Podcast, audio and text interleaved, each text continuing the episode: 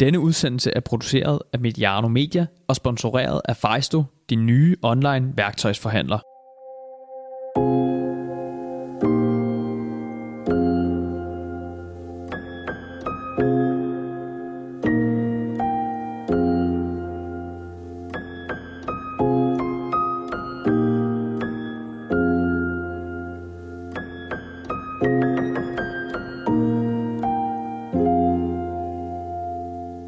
Velkommen og tak fordi du har tunet ind til denne fjerde og sidste udsendelse i Midianos mini-podcast her om FC Nordsjælland og deres satsning på kvindefodbold, som vi laver i samarbejde med Fejsto. FCN er den første Superliga-klub, der satser 100% på et kvindehold med fokus på en fælles strategi både på herre- og kvindesiden. Mit navn er Nela Muminovic, og jeg er vært, producer og redaktør på denne podcast-serie. I de tre foregående afsnit har jeg snakket med den daglige leder i kvindeafdelingen Christian Taylor, kvindeforkæmperen Kalida Popal, der har en central rolle i FCN og spiller på FCN's kvindehold. I, de afsnit, i det sidste afsnit undskyld, i dag har jeg så mulighed for at snakke med ham, der har været med til at beslutte, at FC Nordsjælland skal satse på et kvindehold, nemlig ejeren Tom Vernon. Og derfor slår jeg også over på engelsk fra nu af. Tom Vernon, welcome and uh, thank you for being here. Thanks very much. Nice to be back. Thank you. I've been looking forward to talk to you mm. about this project and, and your vision because it is the first time that we're seeing this in Denmark, that a club from the best league, the men's game, has 100% focus on making a women's team. Uh, we've seen it more and more in the big clubs in Europe uh, the past years, especially in England, and now it's happening here in Denmark as well. So, my first question uh, to you would actually be why? Why why go and participate in the women's game here in FC Nordsjælland?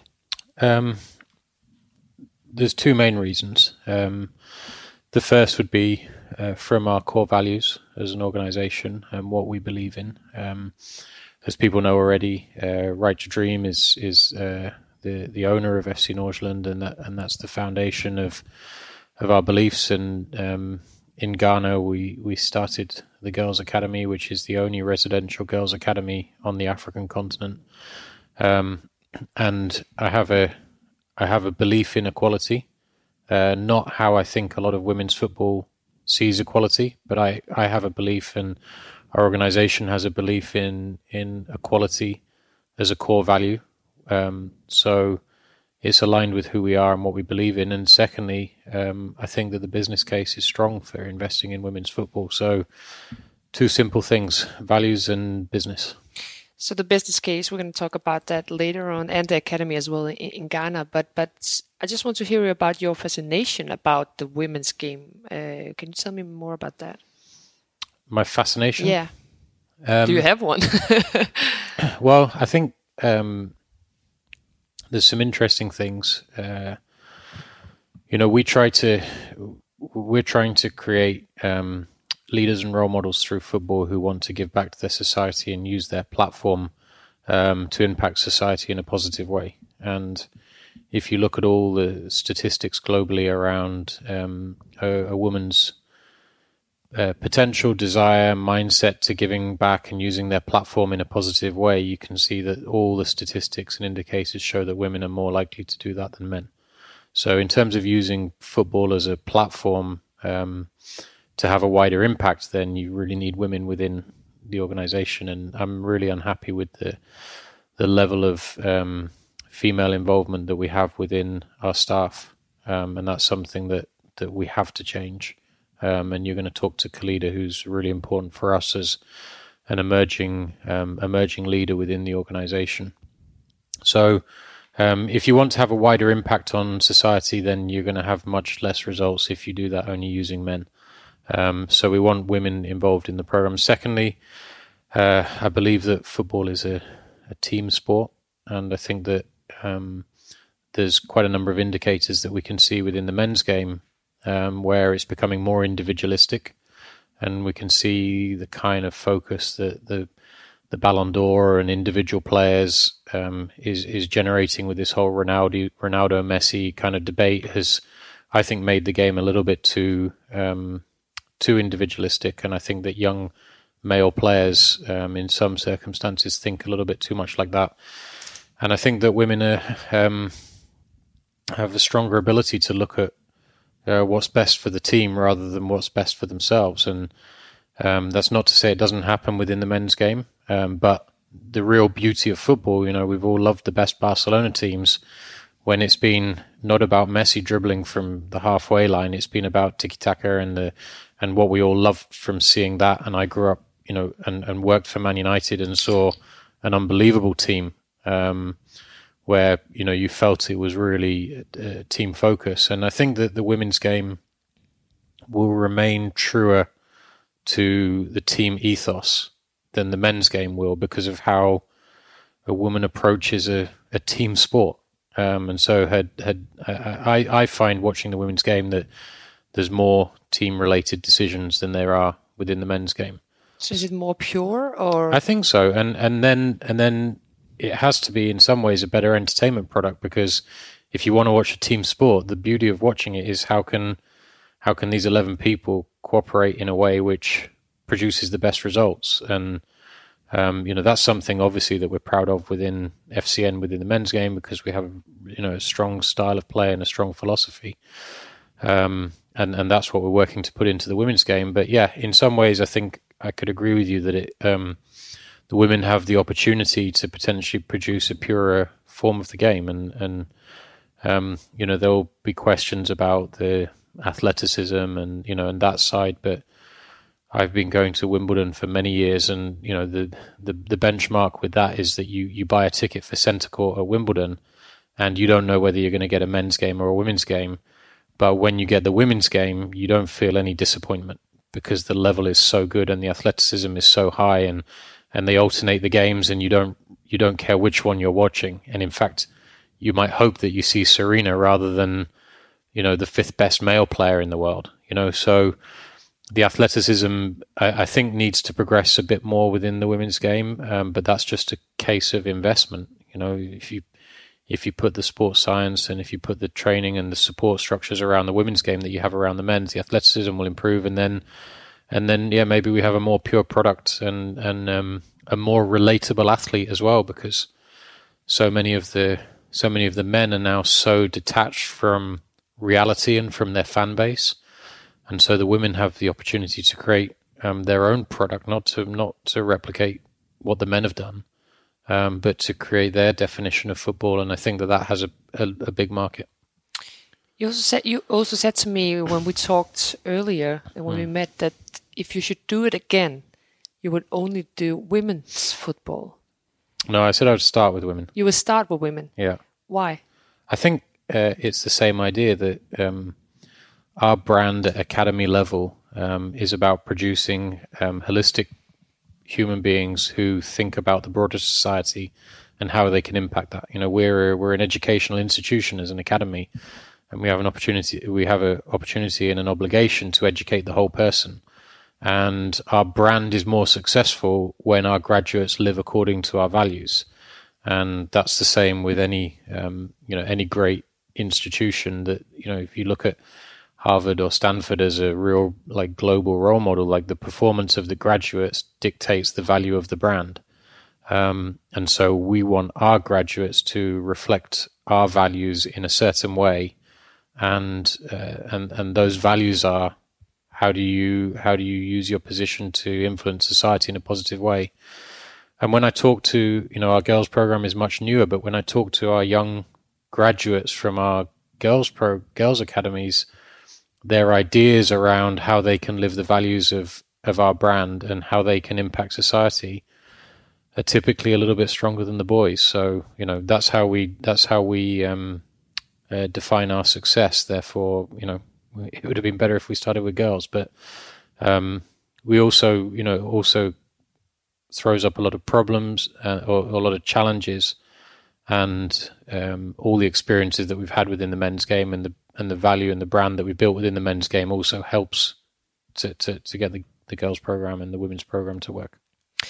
Have you been inspired by other clubs or countries about going into the women's game, or is it just like your thoughts alone and, and your project here and the, the brand values that you yeah, have? I'm not often inspired by other clubs, and um, uh, you know, our whole vision here is is that we're trying to create something unique as a club because you know we think that there's many areas where football needs to change. So, um, you know, I mentioned the tennis a little bit as an inspiration for me, and then uh, do you know what Title Nine is? No. So uh, Title Nine is a law passed in America that makes it illegal to invest more into men's sport than women's sport at any educational level. So there's quite a few uh, examples that you can see in America within the university system that are pretty inspiring within women's sport, but uh, I haven't seen a lot within Europe within club football that makes me think that's where what we would want to be. Mm. So we're going to talk about more, you know, the the brand values and the economy and everything later on. But I just want to go more into details with your plan with women's football in uh, in FC Nordsjælland mm. right here. Um, Christian Taylor, the head of women's department at FCN, told me in the, the first podcast that the aim is to have the same ambition and setup uh, like the boys and men men's game in this club for the women and girls. Um, can you elaborate on that? How how is this going to be like equal? Uh, well, maybe I'll disagree with him a little bit. Um, I think that a lot of the things uh, with the with the men's program are, are, are, natural things that you want to have for the women's program, but the women's program um, uh, should have its own life and identity, and its objective shouldn't be to replicate the boys' program or the men's program, which I think is um, a big danger for women's football generally. Um, you know, this idea uh, that women should have equal pay to men in football, I don't agree with it. Why not? Um, because I think that I think that women should build their own brand mm-hmm. of football, and that could be more commercially successful than the men's. And if it was in future, would we then say that the men should have the same as the women? So, for example, if if uh, women's tennis gets higher sponsorship than the men's in future, should the should the some of the women's money then go to the men's? Shouldn't they? No, I don't think so. I think that I think that equality is about having the opportunity to build your product and having the opportunity to build your own brand, and that women's football should believe in the power of its own brand and the power of its own movement to sustain itself according to the levels that it can achieve. And if we set the if we set the benchmark to be what the men are achieving, then we limit the dreams and possibilities of women's football. And women's football should ultimately think and, and, and dream and aspire to be more powerful than the men's game. And at the point that it is, it shouldn't share any of its money with the men or say that now the men should be paid equally to the women.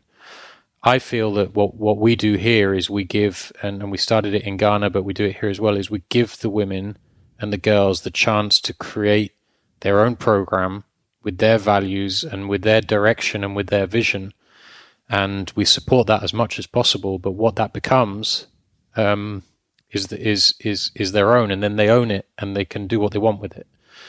So, like in, in, in, uh, in Right to Dream, our boys' teams go on tour to Europe more than our girls' teams. And uh, our girls say this isn't equality and we should have the same amount of tours. But what if, um, you know, because of what we do with the girls' program, they get a sponsorship from L'Oreal for $5 million a year, which is more than the boys, and then they can go on 10 trips a year because the girls' program is so cool. It stands for so many things, it's achieving so many things, and it starts to be more valuable than the boys program, which I genuinely believe is possible, then I don't think there should be equality the other way around. I think the point that I think the point is that you get a platform to build something special, and we support you as students to build something special. The the the, the club here on the boys' side is built by the academy graduates, making the, the first team famous, and now FCN Men's is is known around the world for for something. Now I want our women to have their own vision for the future of the women's program. It shouldn't be to copy the men's. It should be their own vision for the women's program. But what if the, the what can you say the program for the men here in FC is so good that you just want to take it and put it to the girls? Yeah, and that's where I agree with Taylor that there's lots of parts of the of the boys program that should be replicated. Like what? Sports science, recruitment, um, uh, coaching styles. There's lots of things that, that can be the same, but the message and the values um, for for any organization is what defines it, and the and the girls and the women's they should have the freedom to define what it means to them and what they want to stand for, and that doesn't have to be the same as what the the boys have to stand, want to stand for. Some critics critics will say when they hear you talk about about this that is that it is very much idealistic and mm. and they will maybe ask you, well, you don't want to take the money from the men's game because you don't see any, I don't know, profit in the women's game, and that's why you're not going to do it. No, I see more, um, and that's where I think you know if you look at if you look in Ghana with the the revenues according to the age of the program, the girls program generates more revenues in its fifth year than the boys program did in its fifth year, and I can I can easily see a path where our girls program in um, uh, in Ghana can generate more than our boys program. And then why can't that be the same in other places? It's just about redefining the message and telling a different story. And I think that's what the women's game is starting to do. And and I go back to tennis again. That I think that the LTA, um, you know, the, the, the the women's side has like really defined its own message, and it's so clear what they stand for, and and and their commercials, you know, continue to go in a good direction. So but I don't. I never apologize for being idealistic anyway, because that's what allows programs like this to get to to where they want to. And of course, we're investing in it. You know, that's clear for everybody to see that we're investing in it. But I see it to be seed funding, which I'm committed to long term. But the players um, and the staff should have ownership of it to be able to let it grow and, and, and develop rather than to say, well, if the guys get this, then the girls should get this. The girls should decide what they want and they should go and get it with the support of the staff and with the investments that I will make to, to give them the potential to go and get it. But it can um, it can grow to be it can grow to be something different than than the men's, and that's what I hope it does.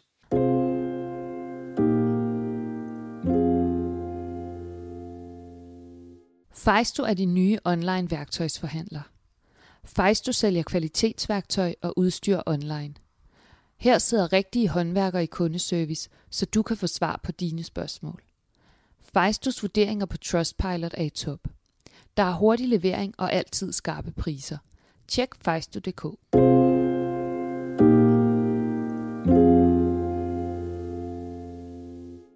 Yeah, I want to talk uh, to you more about like the ambitions uh, for, for this team, yeah. uh, for the women's team, both the senior and the and the youth, the youth level. What is the ambition here for the women's game? Like, do you want to be the best team in Denmark? Is that the ambition? Well, we, um, you know, we believe fundamentally that everybody has the right to dream, and so we want uh, an academy which is inclusive and um, allows people who uh, may not otherwise be able to realize their dreams to achieve their dreams through through um, our organization here.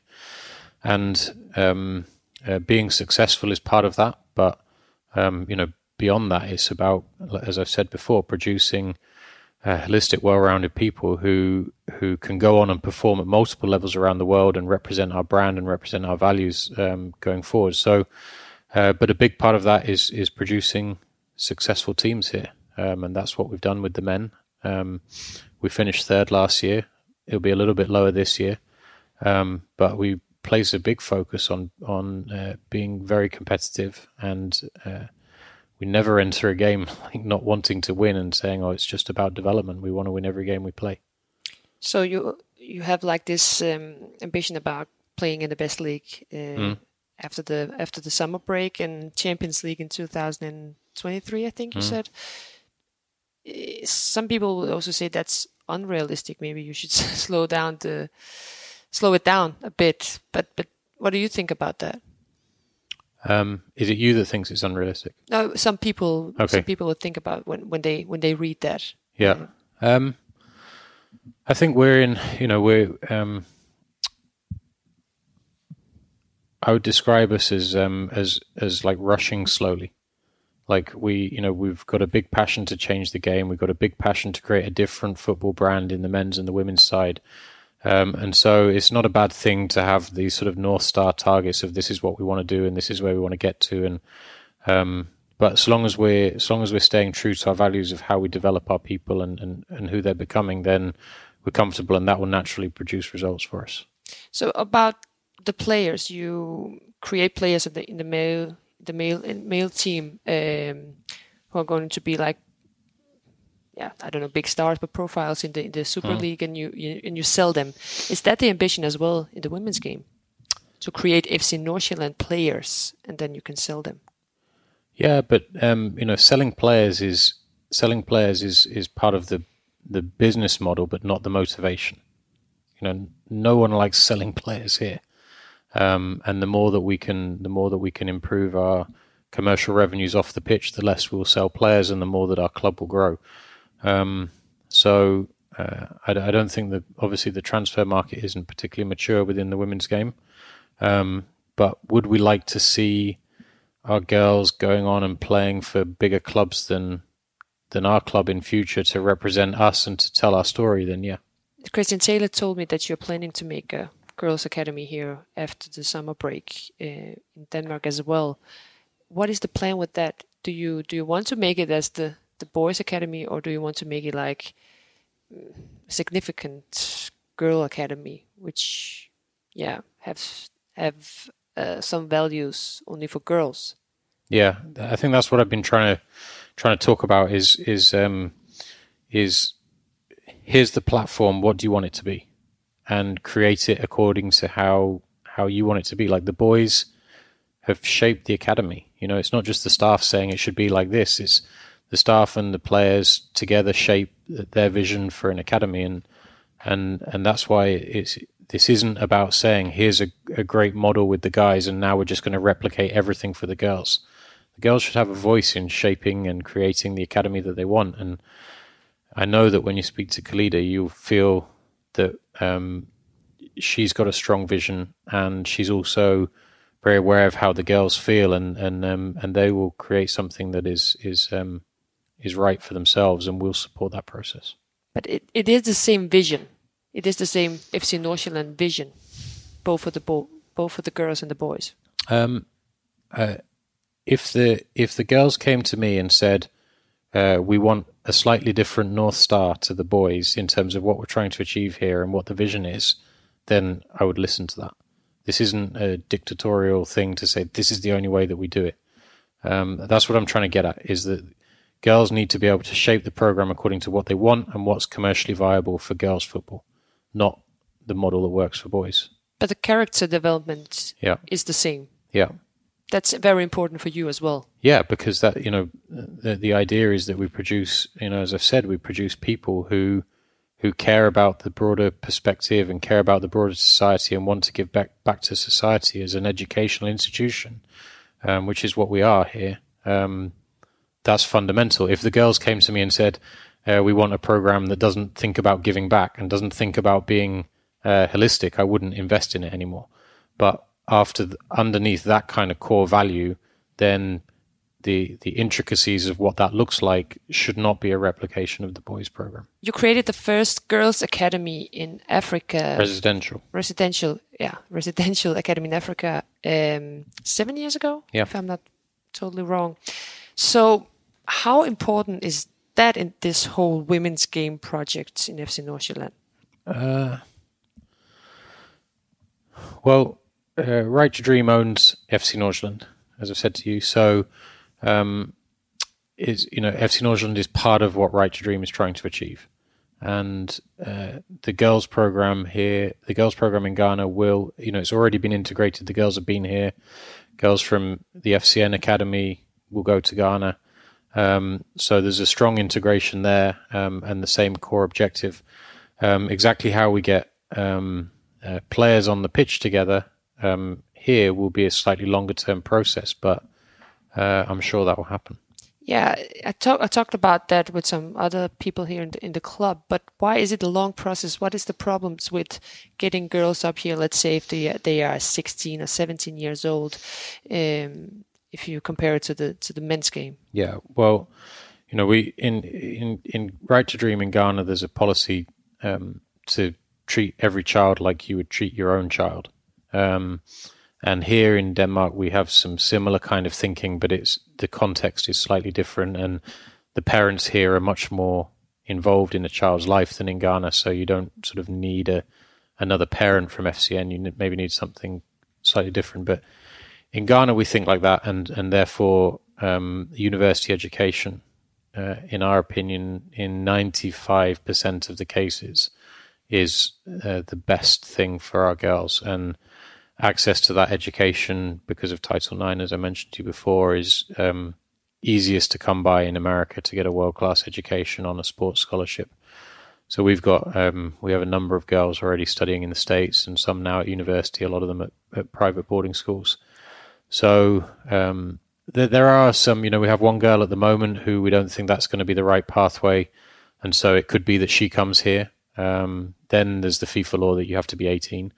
Um, yeah, can you elaborate on that for our viewers, uh, mm. not viewers, the listeners, uh, the FIFA rules? Well, FIFA rule says no international transfers below the age of 18. But it still happens in the men's game when they're under 18. They they can do something and bring the whole family. Like let's say Christian Pulisic in Borussia Dortmund. He came when he was 15 years old uh, from from the US. But then, but that's illegal that's illegal, yeah, in some terms. But then they have like his father in like a Dortmund scout in America. Hmm. You can't do that in the women's game, or what? You can't do it in the men's game. No. So it's. But it's, if you have the money, you, yeah, you can do it. Well, you can try, but um, you know, uh, Chelsea tried to do it and they just got a transfer ban. Barcelona did it and got a transfer ban. You know, there's quite a few examples where those transfer bans are out there. So I don't think you can do it. Um, now, uh, whether that FIFA rule is right or not is a separate discussion, and and I I believe that it's a, a infringement on a child's human rights. Um, the law that FIFA have in place at the moment. Um, so you would you would change it if it's I would yeah, yeah. Um, and that it would need to come with a lot of regulation. But um, you know the reality is that if you know now we're talking about Africa, so um, you know there's only one right to dream in West Africa. If you're a girl born in uh, Nigeria, you know what FIFA says is that pretty much the first time that you can play on a grass pitch with a qualified coach is when you're 18 years old, because there's no facility in in uh, in Nigeria for girls to to do that. And so, if you're a young uh, girl in Nigeria who's a ballet dancer uh, and you're really good, you can go to the London School of Ballet when you're 10, 11, 12 years old. If you're a really great female basketball player, you can go on scholarship to an American high school when you're 14 and you know take your basketball career forwards. But FIFA say if you're a, if you're a female um, footballer, then you can't do it until you're 18. Now, if you live in Sweden and you would like to play for FCN, you can't. But in Sweden, you can still go and attend a really good girls' club and you can develop your talents. But if we look at a lot of countries around the world, over 100 countries around the world, maybe 150, you can see that for a girl, um, accessing an elite sporting environment, an elite football environment, is impossible. So if you're born with a talent for football and it's your passion and your calling to go and um, you know become the very best that you can be, if the first time that you can get professional training and facilities is when you're 18, you're never going to reach your potential because the girl in, in FCN or the girl in New York or the girl in Sweden, she can start accessing those kind of facilities when she's five. So in a lot of ways, that's why I say these, this rule is, is an infringement on human rights because, uh, you know, the, the right of the child is a right to an education. And if you want a football education because you want to be a footballer, then you should have the right to that uh, that education, and this rule prohibits that. And so it's a rule that comes from the men's game because there's so much like child trafficking involved in the men's game and people coming and, and, and taking kids at young ages and exploiting them around the world. Um, so this, but then there's still a lot of boys who lose out on their dreams because of this rule. Um, but you know, the question then is because you um, uh, because you want to stop bad people from doing bad things, what about the good people who want to do good things? And what about ultimately, what about the kids who have a talent and a passion? Um, and every day that they stay in a country with no facilities, the girl in America is getting better and better and better, and you are staying in one place and waiting until you're 18 before you can before you can switch. So Um, that rule is is I, I, understand some ways why it's in place, but it's a very poorly thought out rule. Um, and and what it means is that um, in some ways, football and women's football is becoming like golf, where you like you can only play golf if you're rich, right? And you can afford the golf clubs and and you can go to the you can go to the nice course and you can pay the membership. Then you can get into golf. Um, and the beauty of football has always been that anybody from anywhere can make it. But now Europe is investing so much money into into uh, football that the standards are going higher and higher and higher, and the rest of the world um, can't keep up with the investment, and therefore for for the the kids who want to be playing in the biggest clubs in the world, they have to get a quality academy education, and um, they don't have access to that now. So that's for a girl who attends Right to Dream. Um, that's okay because she's at Right to Dream. Um, but you know, Right Right to Dream has less than zero point zero zero one percent of the girls in Africa who want to be footballers, um, and so the rest of the girls they're kind of they're never really going to get the chance to even get started the way it's currently set up. If we if we rewind a bit about this academy, mm. um, is it the same structure as as the boys? Do they live in the same houses or in the same place? Or how does it work? Yeah, so it's a residential campus, and uh, the girls have their own house, um, and it's quite far from the boys' dormitories, and uh, but it's it's closer to the school, and the school and the football runs um, at the same time, and actually some of our best female players train and play in the boys' teams, um, and then uh, yeah, and then they go to school together, and it's it's it's pretty much the same. So the best girls play with the boys. Yeah um, all the time in the games as well, or how does uh, it work? It depends. Uh, it's, it's, structured differently for different girls, and it's all calculated according to you know physical loading and, and, and all the sports science that you need to speak to somebody else apart from me to know exactly how they, they calculate all of that. But um, you know, I used a case of one girl, for example, who won't go to university in America, and we would like to see her, you know, playing here. So um, you know, a lot of the girls start to go to America when they're 15, and she might still be there. So she can then stay within the boys program more because our, our girls program doesn't go up to the age of 18. It stops at 15 because our girls are all, all going to the States. So the, the, the plan is that they go to the US mm. to get a scholarship mm-hmm. and then they could go everywhere they will after that. Or how is it? Yeah, that's the plan. And, um, you know, I go back to the, the the concept of everyone has the right to dream. It's not for us to tell you what your dreams are. Um, it's for us to create pathways and opportunities for you. So if you go to university in America and you get a degree and then you dream of playing in Europe, then FCN could be a really great pathway for you. Maybe you're doing so good that it's, it's Chelsea or Man City and you go straight there, or maybe you decide that uh, you got to, you know, we have a girl at the moment who is is going to study law at university. She wants to be a lawyer. She's she's using football to become a lawyer, and as soon as she's you know not as soon as she can, but once she's finished at uni, she's going to stop playing because she wants to do something else, and she knows what she wants to do with her her degree um, to impact Ghana. So it's case by case.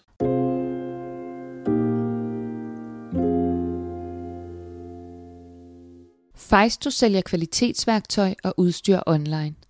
Kig ind på fejsto.dk og se, hvordan du bliver klar til sommeren. Med det rigtige værktøj kan alt lade sig gøre. Der er altid masser af aktuelle tilbud, og der sidder rigtige håndværkere i kundeservice, så du kan få kompetent rådgivning. Tjek fejsto.dk.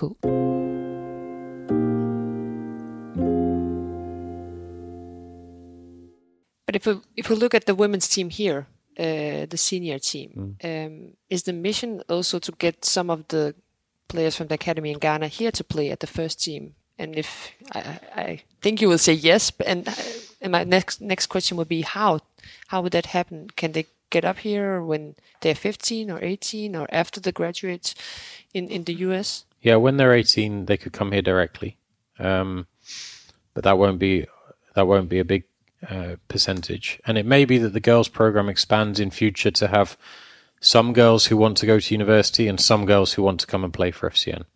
But um, you know, we've got to ask a really serious question about um, if we pick a girl into Right to Dream in Ghana, um, is it the best thing for her with the current economics within FCN women's football to say this is what we have for you?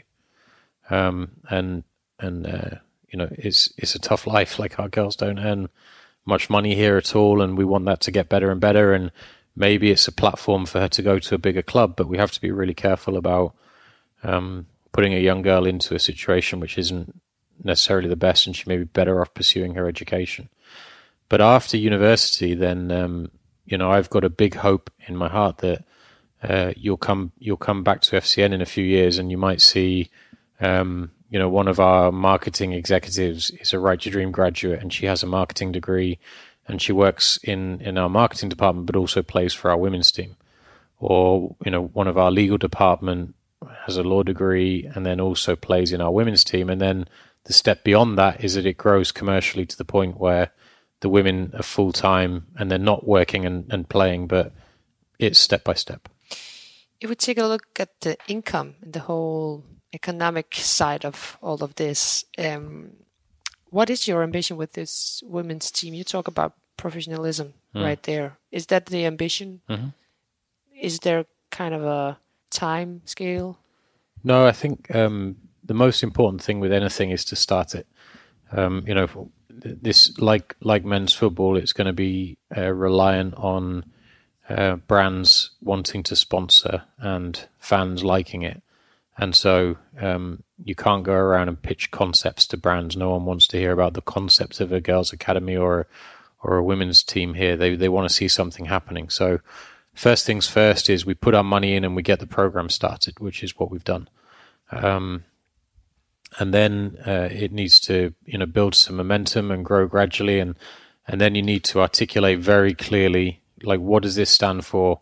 What is it about? What are we trying to achieve? And i strongly believe um, that once we um, articulate what we're trying to achieve very clearly um, that the the corporate interest in supporting an initiative like the women's program will be strong um, and that's something that you can see uh, happening in other places around women's football.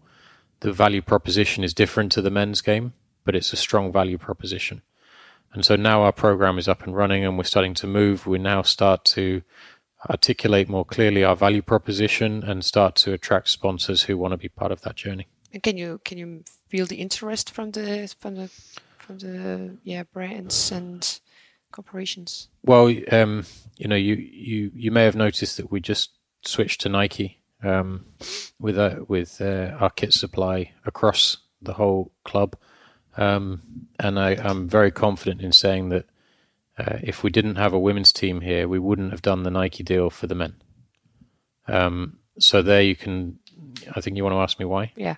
Because our value proposition is around developing men's and women's.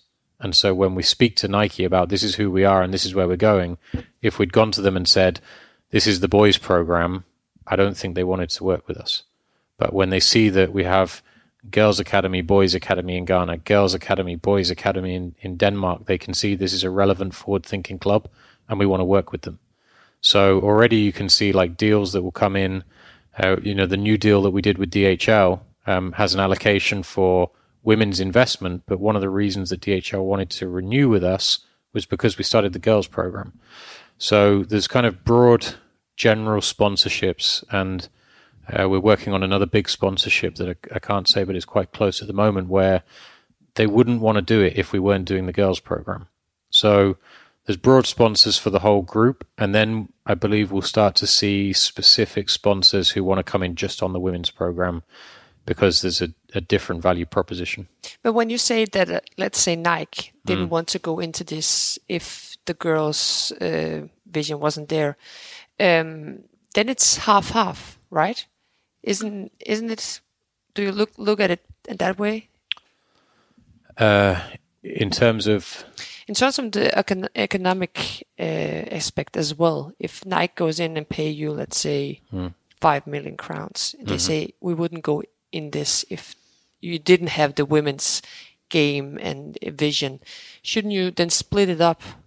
Half half and according to the directions that we take it in, um, it's hard for me with some of the details. But for example, um, you know, if if we had a, a, a deal with them to distribute uh, content, for example, which is very very valuable to us, if we're doing that with Nike, you know, one of our most successful or our most successful video in in FCN was a women's uh, video.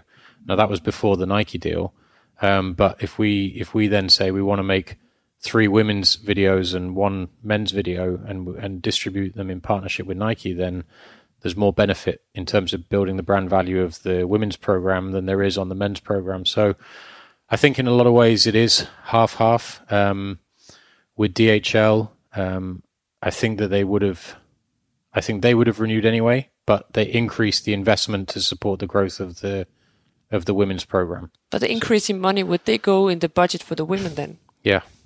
Okay, so so you you are putting it in in the I, I don't know how to say it and elaborate, but in the women's basket, if you can say yeah. so. Yeah. Okay. And and that's where you know, as I said, there's kind of there's like overarching sponsors for everything that we do, and then there's specific sponsors, and um, and you want more specific sponsors for the women.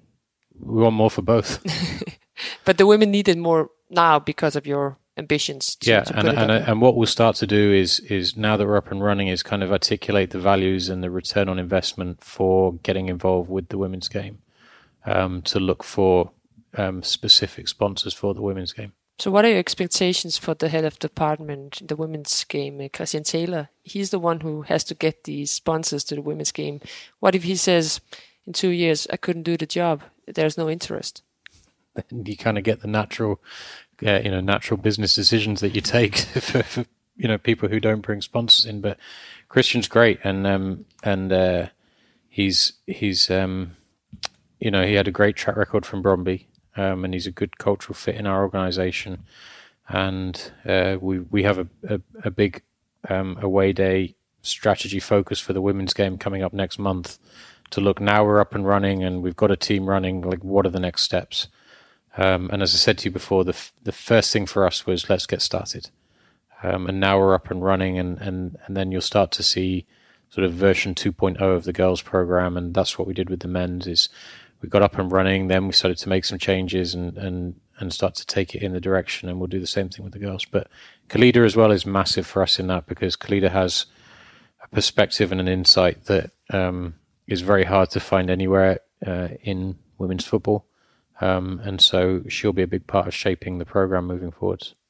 Just to get back to Christian, he he said to me that I have a very demanding boss because he said to me if I don't do my job well, I won't have this job anymore because he believes that there is revenue and, and profit in the women's mm. game. So I have to find the sponsors. Is it how you look at it?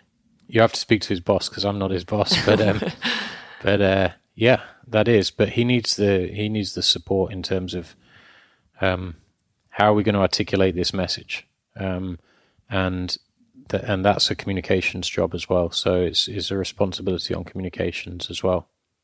So the main uh, ambition here is to get some to get professionalism in the women's game in FC Nordsjælland. Yeah, our definition of professionalism. Yeah, and that is, you know, as I've touched on before, is is um, prioritizing the human being that you're producing, not just the footballer. Um, so we don't want this to be a football factory. We see it more like a university. Um, you but, know, but you want the players to play football full time, like the men. Yeah. Yeah. So so if we if we talk salary for players and coach, that will be the aim as well to to have them get the salary that they can live. Yeah. About yeah. I think it's I think it's uh, steps like I said. There's one is where we are now, and then two is can we start to create employment opportunities for our women to work and play for us, so that you know one of the big problems with the women's game is is that you work somewhere and you train somewhere else, and so you go into work, and then afterwards you've got to get a train across town and play somewhere else and not much money. But if in the first stage you can come here, live in our hotel, you can uh, work in our office and and develop your profession. Because the reality is, for most girls who are living their twenties at the moment, is that it the money's not going to be theirs. It's the next generation where the money's going to come. So we have to be practical and say, look, you know, we, we want it to be pro, but it's going to take time. And so, uh, you know, I think that it's a pretty good offering if you can come and work in a dynamic organization like FCN Right to Dream um, to build your skills for after football. And then it's just a very short walk from the office back to your hotel room, get ready for training, go to training, then I think it's like a strong proposition, and uh, it's definitely a differentiator. If you look, if you look at um, outside the biggest clubs in Europe and how they structure the women's game, then this could be a really strong offering that you can do everything on one site, get a good job, and, and play. And then the third stage is, as I said before, how do we go into full time professional? But um, you know, maybe within that you should still be working and having the opportunity to build for life after football. Um, because you know, I'd be happy if, and some of our some of our boys do do it, that they get involved with other parts of the program because they think about what's going to happen after football and and after you've trained, you know, the definition of professional doesn't then have to be that you go and play FIFA in your room all day. You can then still come and do other things, and that's what's exciting about the opportunities that Right and FCN can offer players.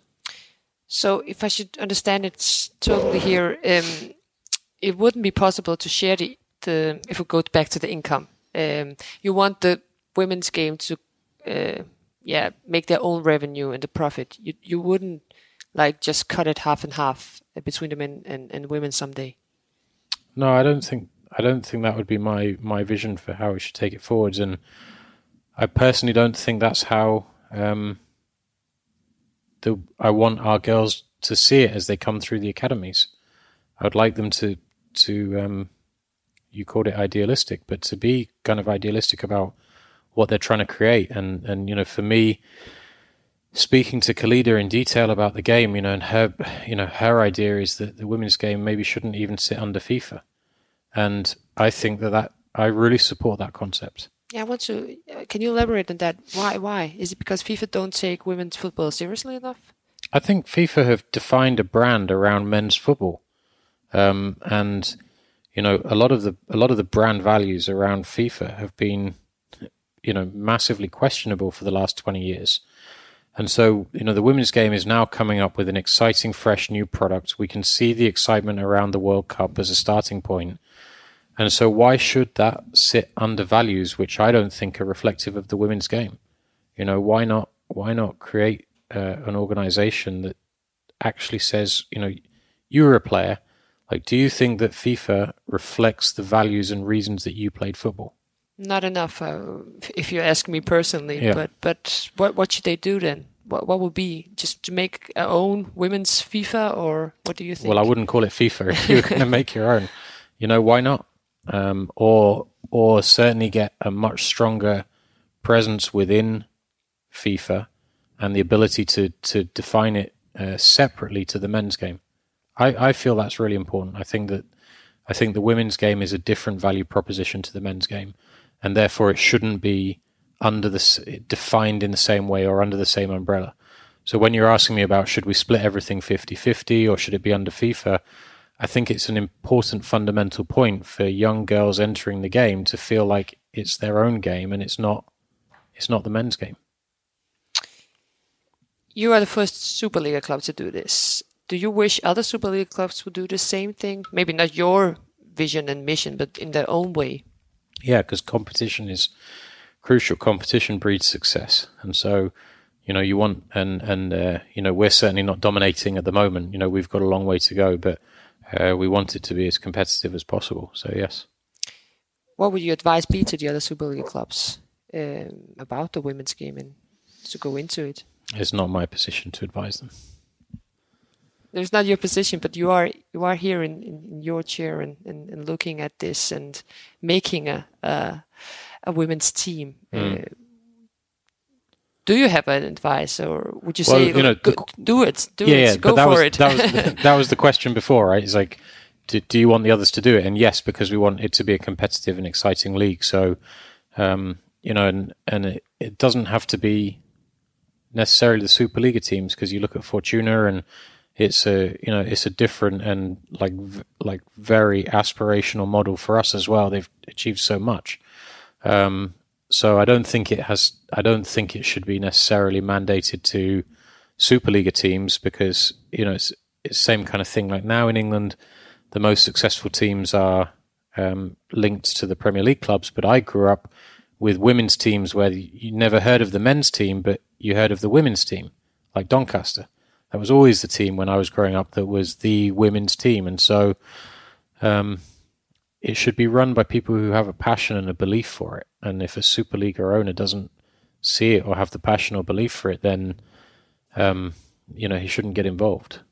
And then those who do and those who see the opportunity should get involved. Yes, you don't think that like uh, the DBU uh, should make like rules for the Super League clubs and say you have to have a women's team if you want to, uh, yeah, be in the Superliga. No, I think that they should create the structures to make it possible to build strong women's teams in Denmark, and then people who want to build strong women's teams can do it with the support, and that's what we're doing here. Like we're giving the support and structure for the women to build a strong women's team here, and it can define itself, you know, in different ways than the men's team defines itself and uh, and what you need is passionate people who believe in it, not uh, a chairman of a club who says, "Oh, we have this rule from DBU that we have to do a women's team, so let's spend the minimum, and they can train on pitch ten, but we don't want it to be part of that." And um, I know that I know that it would be the case um, if you mandated it that some clubs would approach it like that,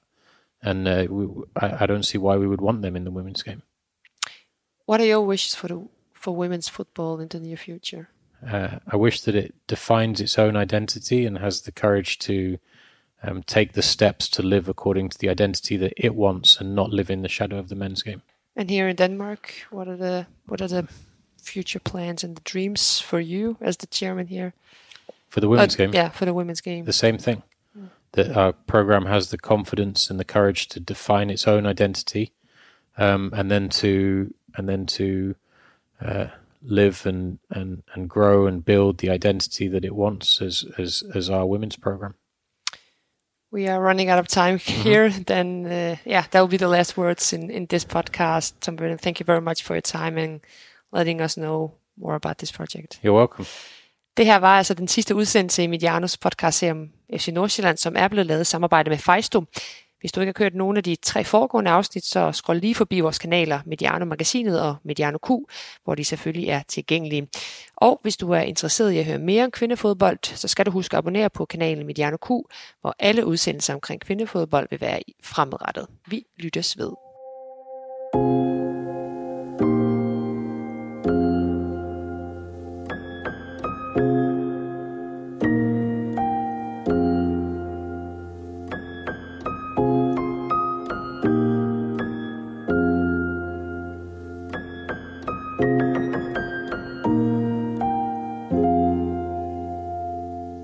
Udsendelsen var produceret af Mediano Media og blev sponsoreret af Fejsto, din nye online værktøjsforhandler.